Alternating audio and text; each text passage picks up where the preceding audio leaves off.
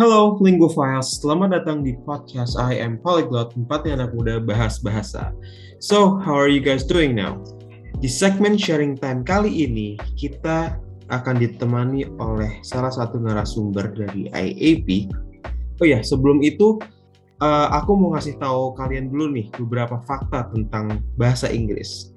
Bahasa Inggris merupakan bahasa internasional yang digunakan untuk berkomunikasi di seluruh dunia karena dianggap sebagai sebuah bahasa yang relatif mudah untuk dipelajari. Bahasa Inggris merupakan salah satu bahasa resmi PBB yang memiliki penutur kata uh, sekitar 1,13 miliar. Linguafiles pasti kangen kan jadi bagian dari 1,13 miliar itu. Kalau begitu, langsung aja kita diskusi mengenai bahasa Inggris bersama Kak siapa nih Kak? Boleh diperkenalkan? Halo, Lingwood Miles. Uh, namaku Wahida Nusa Fitri, bisa dipanggil Wahida. Um, sekarang masih jadi mahasiswa di salah satu universitas di Surabaya dan lagi semester akhir-akhir kebetulan jurusanku jurusan sastra Inggris. Oke, gimana kak? Kenal ya buat semuanya. Salam kenal. Apa kabar kak? Kabarnya baik. Lagi akhir-akhir gini lagi skripsi-skripsi berarti ya kak ya? Iya, lagi Nyusun ya, Kak, ya? bikin proposal skripsi. Oke. Iya. Semangat ya kak, semangat, semangat, semangat. Oke, kalau gitu kita masuk ke topik nih kak. Sebenarnya kak, uh, yang membuat uh, kakak ini tertarik untuk mempelajari bahasa Inggris lebih spesifik itu kenapa sih kak? Eh, awalnya sih gimana ya itu waktu aku mulai tertarik karena waktu awal-awal bikin sosmed sih ya. Kan kayaknya keren gitu kalau bisa bahasa Inggris terus uh, dulu intinya sok-sokan pengen punya temen temen dari luar gitu. Jadi uh, dari situ sih aku mulai tertarik buat belajar-belajar uh, lebih nekunin belajar bahasa Inggris. Terus motivasi terbesar sih waktu SMP itu ada guru bahasa Inggris. Uh, itu emang guru favorit kalau ngajar itu emang enak. Terus suka ada film-film. Jadi dari film-film itu aku banyak belajar banyak belajar dan makin tertarik buat memperdalam. Terus uh, sebelum mutasi itu gurunya bilang nggak akan lupa sama aku sih. Karena menurut menurut beliau kalau di kelas beliau itu uh, aku bisa dibilang uh, boleh lah untuk kemampuannya. Jadi dari situ aku makin termotivasi untuk terus belajar bahasa Inggris dan akhirnya sampai sekarang masuknya juga ke sastra Inggris. Oke, keren banget sih kak, menarik banget. Itu uh, gurunya gimana sekarang? Masih in touch apa gimana kak? Uh, kalau sekarang udah nggak in touch ya, udah nggak hmm. tahu soalnya eh, nggak uh, tahu orangnya lagi dinas di sekolah yang mana gitu. Cuma ya memang itu gurunya dulu banyak disukai sama murid-murid kalau untuk kelas bahasa Inggris. Berarti beliau merupakan salah satu faktor kakak uh, ya uh, apa buat lebih uh, apa pengen ngedalamin bahasa Inggris. Berarti kakak di sastra Inggris ya kak ya? Di kuliahnya? Iya. Oke. Okay. uh, oke okay, kalau gitu uh, kita ke pembahasan selanjutnya. Kak uh, kan uh, ketika kita mempelajari bahasa pasti kan ada yang namanya vocabulary ya, atau kosakata ya kak. Dan uh, bahasa Inggris sendiri ini menurut data memiliki lebih dari satu juta kosa kosakata. Dan setiap tahunnya ini bertambah 8.500 kata per tahun. Jadi uh, menurut kakak nih Eh, faktor-faktor uh, apa aja sih kak yang membuat kosakata bahasa Inggris ini bertambah setiap tahunnya menurut kakak? Kalau menurut aku sih ya perkembangan zaman sih ya. Soalnya kan uh, kan kita semakin modern. Terus uh, kalau untuk banyak-banyak kata itu harus menyesuaikan dengan zamannya juga. Jadi mungkin lebih kalau setahu aku lebih banyak di bahasa-bahasa yang lebih casual untuk kita pakai sehari-hari. Jadi nggak nggak terpaku sama bahasa-bahasa yang selama ini kita pelajari di textbook gitu. Oke okay, jadi emang uh, mengikuti perkembangan zaman ya kak ya? Jadi ini yeah. Iya. 8.500 kata per tahun ini banyak sekali ya kak ini. Uh, diingat juga orang gimana ya? Susah juga ya. Oke kalau gitu kita uh, ke pembahasan selanjutnya ya kak. Uh, kan kakak nih udah okay. uh, menggelut di bidang sastra Inggris ya kak ya. Berarti udah berapa tahun kak? Kira-kira uh, hampir hampir lulus nih. Tiga tahunan tiga setengah tahun ya kak tiga, ya iya tiga setengah tiga setengah tahun tiga setengah tahun ya kak. Nah uh, dari tiga setengah tahun ini uh, Linggo Files nih uh, para pendengar tuh pengen tahu nih kak uh, cara efektif untuk belajar bahasa Inggris menurut kakak nih versi kakak nih gimana sih? Uh, kali-kali nanti kan ada nih pendengar yang cocok gitu belajar bahasa Inggris versi kakak nih gimana sih biar lancar casis cus gitu kan? Biar kalau nonton uh, Hollywood movie nggak harus pakai subtitles lagi kalau mau nulis esai nggak harus pakai uh, Google Translate lagi gitu kak. Gimana? Kira-kira kak kalau menurut versi kakak nih belajar bahasa Inggris uh, baik dan benar kalau ini tips dari dosen aku sih ya waktu semester 1 dulu itu bilangnya uh, dulu waktu semester 1 emang banyak yang masih belum bisa sih vocab-vocabnya. Jadi dulu disaraninnya untuk misal kalau nemu satu vocabulary yang kita nggak ngerti. Jadi kita bikin aja catatan kecil gitu tapi itu catatannya harus rutin harus rutin. Dalam artian kita baca berulang-ulang kita hafalkan terus kita mungkin coba bisa bikin kalimat dari situ. Karena kalau bahasa itu memang nuntutnya harus banyak praktis. Praktisnya itu harus bertahap. Jadi bukan um, tapi uh, yang yang benar itu caranya satu hari mungkin belajar minimal berapa menit. Nggak apa-apa itu dikit-dikit aja.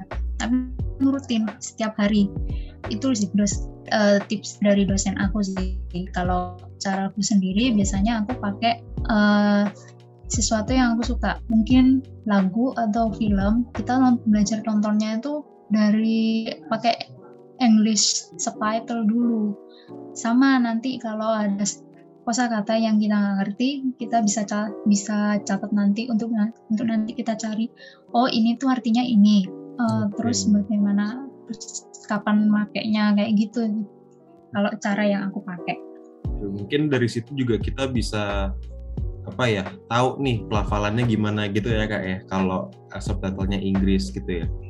Jadi kalau Uh, kalau subtitle subtitle bahasa Indonesia tuh kurang ini ya kak ya. Kurang efektif ya kak ya berarti ya? Iya, kalau buat belajar bahasa Inggris menurutku itu kurang efektif. Soalnya nanti kita uh, jadi kan kita nanti kalau nonton film ada subtitle, kita fokusnya umumnya biasanya kan ke iya, subtitlenya, yeah. bukan ke yeah, audionya. Yeah. Mm -hmm. Nah, kalau subtitlenya Inggris, itu kan otomatis kita dengerin dengerin pronunciation-nya sama lihat vocabulary-nya, lihat kosakata yang dipakainya. Iya, iya, iya, betul, betul. Tuh, Linggo dengerin. Uh, jadi cara efektif untuk belajar bahasa Inggris itu bisa dengan tadi apa menulis uh, vocabulary ya kak yang belum kita ketahui dibaca terus. Uh, setelah itu uh, kalau versinya kakak nih uh, kita dengan mendengarkan musik-musik yang bahasa Ing berbahasa Inggris ya kak ya dan menonton film-film juga yang berbahasa Inggris dengan uh, note apa dengan subtitlenya uh, yang juga berbahasa Inggris gitu, jangan yang berbahasa Indonesia karena kalau berbahasa Indonesia tadi nanti kita akan fokusnya ke ya udah ke narasi Indonesianya aja gitu ya. Jadi nggak nggak ada nggak berkembang gitu. Apa kosakata vocabulary dari bahasa Inggrisnya itu sendiri. Dan uh, tadi juga yang saya bold, yang saya highlight dari kata-katanya kakak ini, karena bahasa itu harus terus di dilatih ya kak ya setiap harinya ya. Kalau enggak hilang ya kak ya? Iya. Bener ya kak ya? Iya. Oke. Itu linggo files dengerin ya. Oke kalau gitu kita ke pembahasan selanjutnya. Uh, kakak kan udah tiga setengah tahun nih uh, belajar uh, di sastra Inggris. Uh, dan kita mau tahu dong kak apa suka dukanya belajar bahasa Inggris itu apa sih kak? Mungkin uh, kakak bisa cerita-cerita sama kita? Ada yang unik-unik mungkin? Uh, kalau suka sih uh, masuk ke sastra Inggris ya jadinya kayak banyak orang yang minta bantuan untuk minta bantuan untuk ya kayak bantu nerjemahin cuman gitu. Fun from there gitu. Ya seneng sih bisa ada ilmunya kan ada manfaatnya juga. Terus uh, bisa gabung ke forum-forum forum-forum online yang banyak orang baratnya. Terus ya walaupun kadang ada yang nggak ngerti jokesnya kan karena beda budaya juga ya. Nah, iya. itu enak sih. Itu enak jadinya ngerti oh mereka itu kira-kira lagi ngomong apa ngomongin apa sih? Tapi dukanya itu ya karena mas karena bahasa Inggrisnya bukan bahasa ibu bahasa ibu gitu. Jadinya ya memang masih punya kesulitan bahkan aku sendiri pun sampai sekarang juga masih kesulitan sama vocab sama grammar itu Oke. kadang harus bolak-balik bolak-balik lihat catatan juga ya memang harus butuh banyak masih masih dan akan selalu perlu banyak praktis untuk itu sih kalau aku Oke, jadi tapi eh, kakak enjoy banget ya kak belajar bahasa Inggris kayaknya. Sangat. iya uh, nikmat, ya. kadang soalnya Hmm. iya ngelihat lihat teman-teman kayak wah progresnya bagus ya ini kok dia bisa keren gini sih bahasanya jadi kayak pengen juga gitu Set- setidaknya walaupun nggak bisa melampaui paling nggak setara lah bisa mengimbangi sama mereka gitu Itu dijadiin mungkin dijadiin faktor motivasi aja ya kak ya. Itu. Jadi kita nggak melihat itu sebagai kekurangan kita, tapi kita justru terpacu untuk bisa lebih eh, dari mereka atau at least setara tadi yang kata kakak gitu ya kak. iya Oke. Oh ya, eh, kalau gitu eh, tadi kan suka duka nih kak. Eh, mungkin tantangan ada kak tantangan untuk eh, belajar bahasa Inggris menurut kakak apa aja? Eh, selain tadi apa eh, belajar grammar dan vocabulary ya kak? iya Eh, tantangan sih ini waktu aku kuliah sih ya itu ada mata kuliah phonetics sama phonology. Ini yang aku struggling banget sih. Benar-benar itu teks extra time buat belajarnya karena apa ya kan terbiasa untuk baca. Kalau di kamus kan ada yang tulisan Latinnya terus sebelahnya ada kayak tulisan-tulisan yang agak aneh gitu, Iya, iya. yang agak unik-unik gitu. Itu kan sebenarnya pronunciation-nya gitu. Aku terbiasa dengan dengan lihat tulisannya bukan dengan cara pengucapannya. Itu yang sering Oh, bikin aku kesulit yang aku struggle banget waktu belajar. Oke, oke. dan belajar buat matkul itu sih. Jadi kayak walau bilang kalau untuk ngerjakan soalnya kalian itu harus memperhatikan cara bacanya voice-nya gimana bukan tulisannya itu tapi Iya iya iya. apa eh, pen- susah banget kalau di aku pribadi di situ terus teman-temanku ternyata juga banyak yang sebenarnya kesulitan untuk itu sih eh, waktu awal-awal belajarnya fonetik sama fonologi itu tadi Oke. Aku eh, juga pengen cerita dikit. Aku sebenarnya juga eh, lagi di bidang sastra nih kak, cuman sastra Rusia.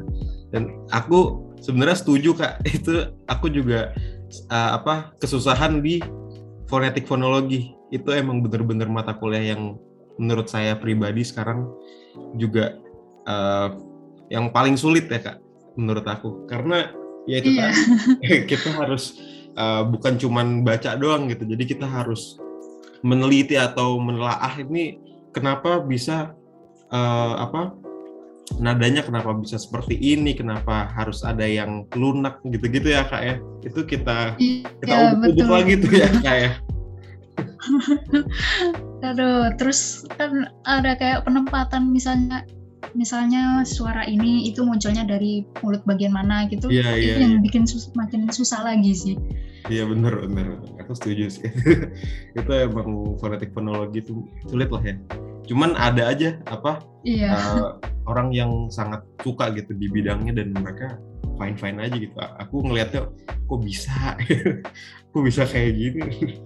Padahal bener-bener sulit. keren sih di mataku mereka itu Iya iya. Aku yang juga. bisa kayak gitu keren banget. Iya bener-bener. Oke, itu merupakan tantangannya ya kak. Eh, nah kan tadi kakak udah cerita eh, kesulitan-kesulitannya tuh kak. Eh, pasti kan kakak tahu nih cara mengatasi kesulitan itu seperti apa. Boleh sharing-sharing lagi kak? Kesulitan. Cara mengatasinya. Kalau yang buat phonetics phonology tadi, aku biasanya eh, pakai sistem diskusi sama temen. Jadi Hmm. eh, kalau misalnya ada tugas gitu, aku nanya ke temen. Ada temenku yang orangnya rajin banget, catatannya tuh rapi, enak dilihat. Jadi enak aku tanya. Terus dia jelasinnya juga enak. Eh, jadi aku belajar aku lihat catatannya terus aku juga salin-salin catatannya itu caranya gimana dia kan soalnya itu tipe yang pakai pakai bolpen warna-warni oh iya iya iya iya sticky notes banyak jadi kan gampang gitu ya buat hmm. dimengerti itu aku diajarinya sama dia sih terus uh, kalau mau ujian gitu ya belajarnya kadang kalau phonetics phonology karena harus pakai voice jadi ya bacanya pas baca buku ya pakai ngomong gitu hmm. a e i gitu kayak gitu kayak ngomong sendiri buat yeah, yeah. tahu asal suaranya dari mana letaknya di bagian letaknya di mulut bagian mana itu sih kalau cara aku waktu okay. biar survive di matkul phonetics phonology itu oke okay, kak uh, itu kan berarti phonetic phonology termasuk uh, ini ya apa kalau lingo files nih ada yang nanya uh, cara apa mereka tuh masih kesulitan dalam bidang pronunciation kak karena kan uh, pronunciation itu sangat penting ya kak di bahasa gitu in general. Yeah. Nah uh, itu gimana cara mengatasinya kak? Karena kan masih banyak yang misalkan uh, tulisannya nih seperti ini, spellingnya seperti ini, tapi mereka bacanya seperti ini. Nah itu dilatih dengan uh, gimana kak? Apa seperti yang tadi lagi? Apa bisa nih uh, masuk ke phonetic phonology juga? Kalau dosenku dulu waktu in waktu ya intro intro ke phonetics phonology itu beliau pakai apa ya web, website atau apa gitu. Itu jadi kalau hurufnya ditekan ada pronunciasinya ada suaranya keluar cara ngejanya gimana terus kita disuruh ulang disuruh ulang-ulang itu suara ulang-ulang suara itu. Biar kita tahu biar kita tahu kalau tulisan ini bacanya gimana gitu. Misalnya kayak a e kan kan mirip-mirip gitu ya. Iya iya. Jadi sama dosennya itu diulang-ulang disuruh belajar ulang-ulang pencet huruf-hurufnya sampai kita ngerti cara bacanya gimana gitu sih oke jadi balik lagi ya kita emang harus bener-bener uh, practice setiap saat ya setiap hari ya diulang-ulang terus biar hmm. biar bisa biar inget ya biar lidahnya juga kelatih mungkin ya. Iya, betul. Jadi nggak belibet ya. Iya. um, kita ke pembahasan selanjutnya. Di sini ada yang nanya nih kak. Uh, Sebenarnya belajar bahasa Inggris itu manfaatnya apa aja sih kak? Gitu. Dan mungkin dari kakak apa yang udah kakak dapetin selama belajar bahasa Inggris, selama bisa uh, bahasa Inggris gitu kak? Manfaatnya? manfaatnya sih uh, kan ini aku juga suka kayak baca-baca manga-manga Jepang-Jepang gitu kan. Hmm. Uh, kadang itu uh, yang terjemahan bahasa Indonesia itu keluarnya kan agak lama. Jadi aku biasanya bacanya yang scan bahasa Inggris. Kan dengan belajar bahasa Inggris itu jadinya bisa ngerti bisa ngerti oh ngerti duluan nggak perlu nunggu terjemahan Indonesia dulu. Terjemahan Indonesia dulu itu lumayan membantu sih soalnya kan kepoan ya. Yeah. ada spoiler nggak betah. Aku nggak betah kalau ada spoiler. Jadi mending langsung baca duluan nggak usah nungguin nggak usah nungguin gitu-gitu. Terus uh, mungkin kalau misalnya ada treat-treat menarik atau bacaan-bacaan menarik dalam bahasa Inggris itu lebih enak lebih enak bacanya. Ya terlepas dari mungkin vocabulary-ku masih terbatas itu udah lumayan membantu sih buat buat memahami artikel-artikel itu tanpa harus selalu diterjemahin pakai Google Translate terus hmm. ya manfaat lain sih sekarang punya teman-teman dari teman-teman kenalan-kenalan yang sama-sama suka kayak gitu suka-suka anime manga-manga hmm. gitu dari dari luar negeri gitu. Kadang seru kalau lihat mereka diskusi atau berantem gitu seru. Lihat lihat mereka dalam bahasa Inggris. pakai bahasa Inggris. Iya pakai terus ngerti ya, iya, ya? kak kan? ya iya jadi nggak nggak ketinggalan nggak ketinggalan info duluan. Teh teh ini kan gue iya, bener, kayak seru gitu lihat mereka mereka saling ngobrol kayak gitu. Ya mungkin kalau dalam bahasa kita mungkin itu kasar sih ya cuma kan karena kita beda budaya lagi beda budaya itu sih hmm.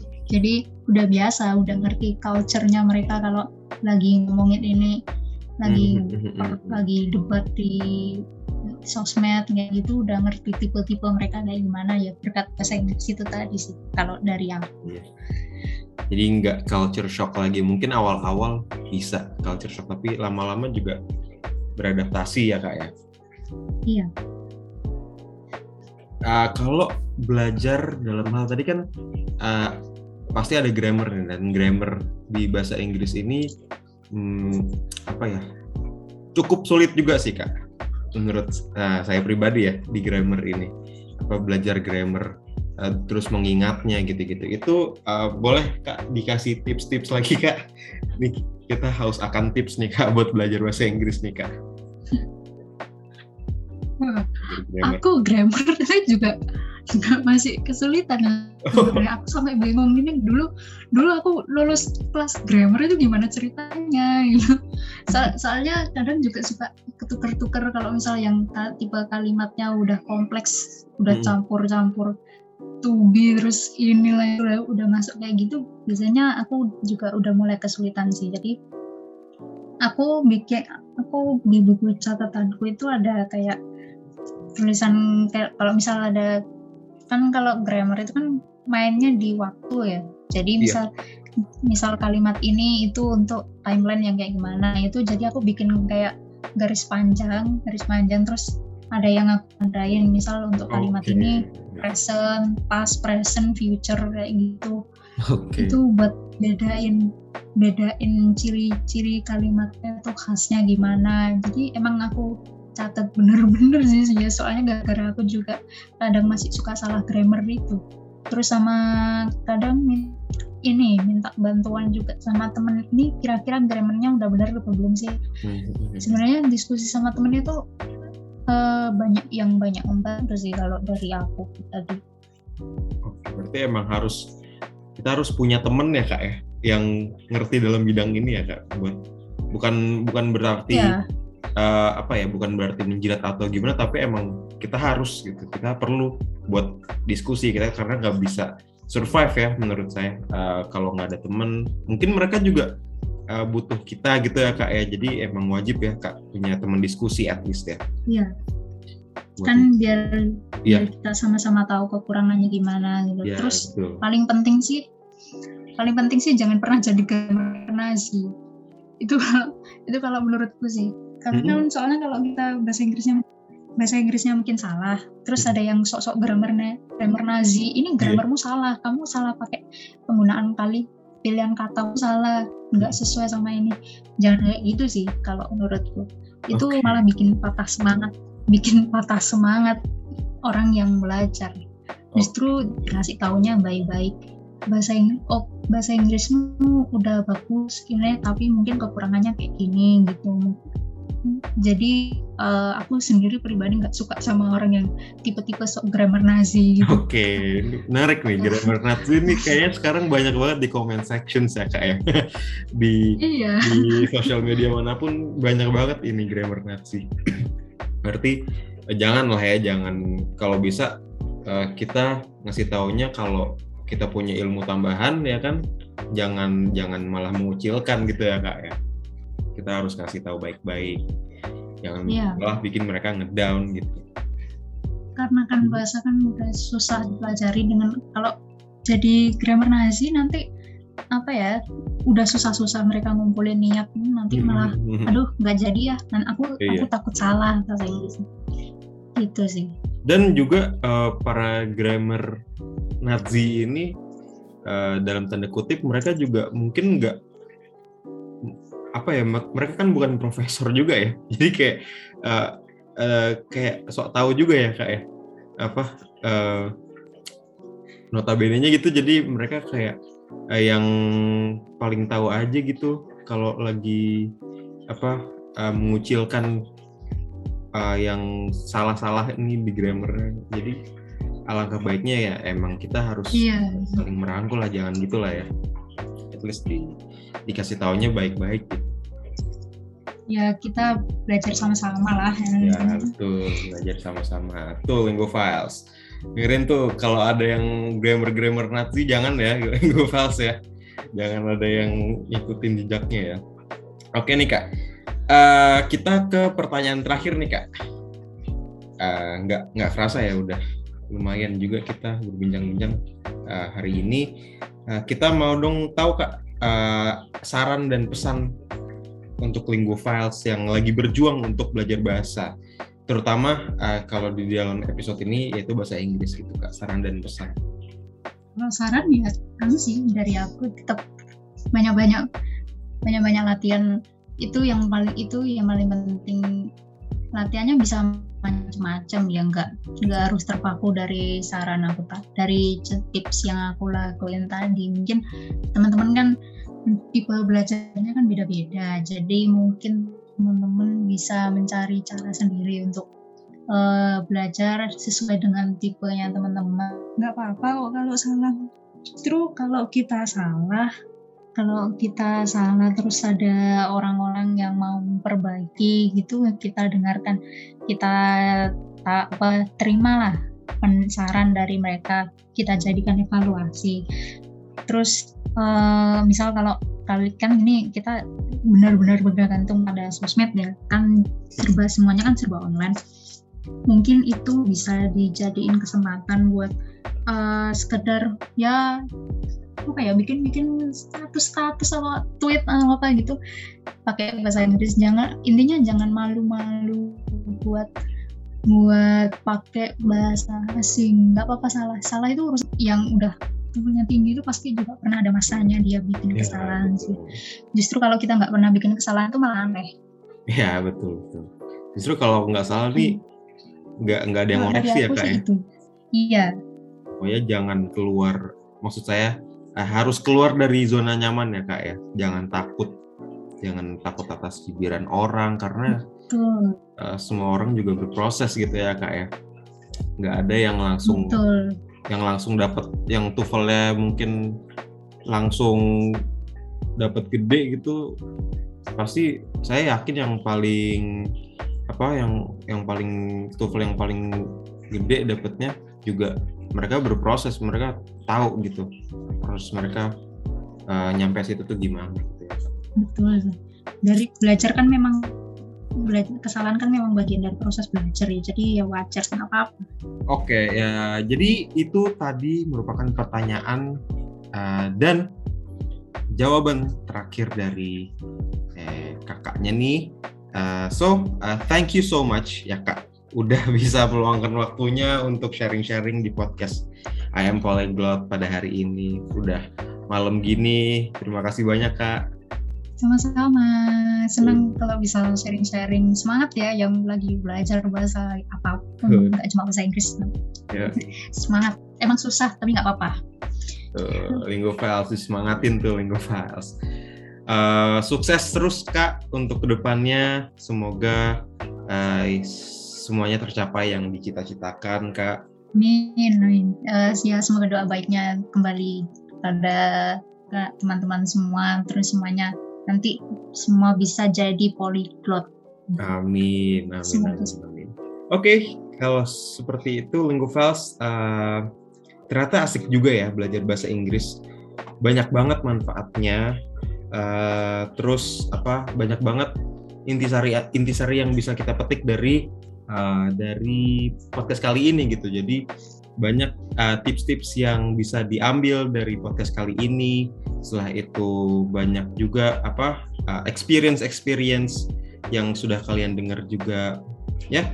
Maka dari itu uh, jangan lupa untuk pantengin terus podcast I am Polyglot dan uh, jangan lupa follow Instagram at I am underscore polyglot.id karena kita akan bahas banyak hal seputar bahasa yang pastinya akan menarik banget. Oke okay, guys, oke okay, Linggo Files kalau gitu see you guys on the next episode. Bye.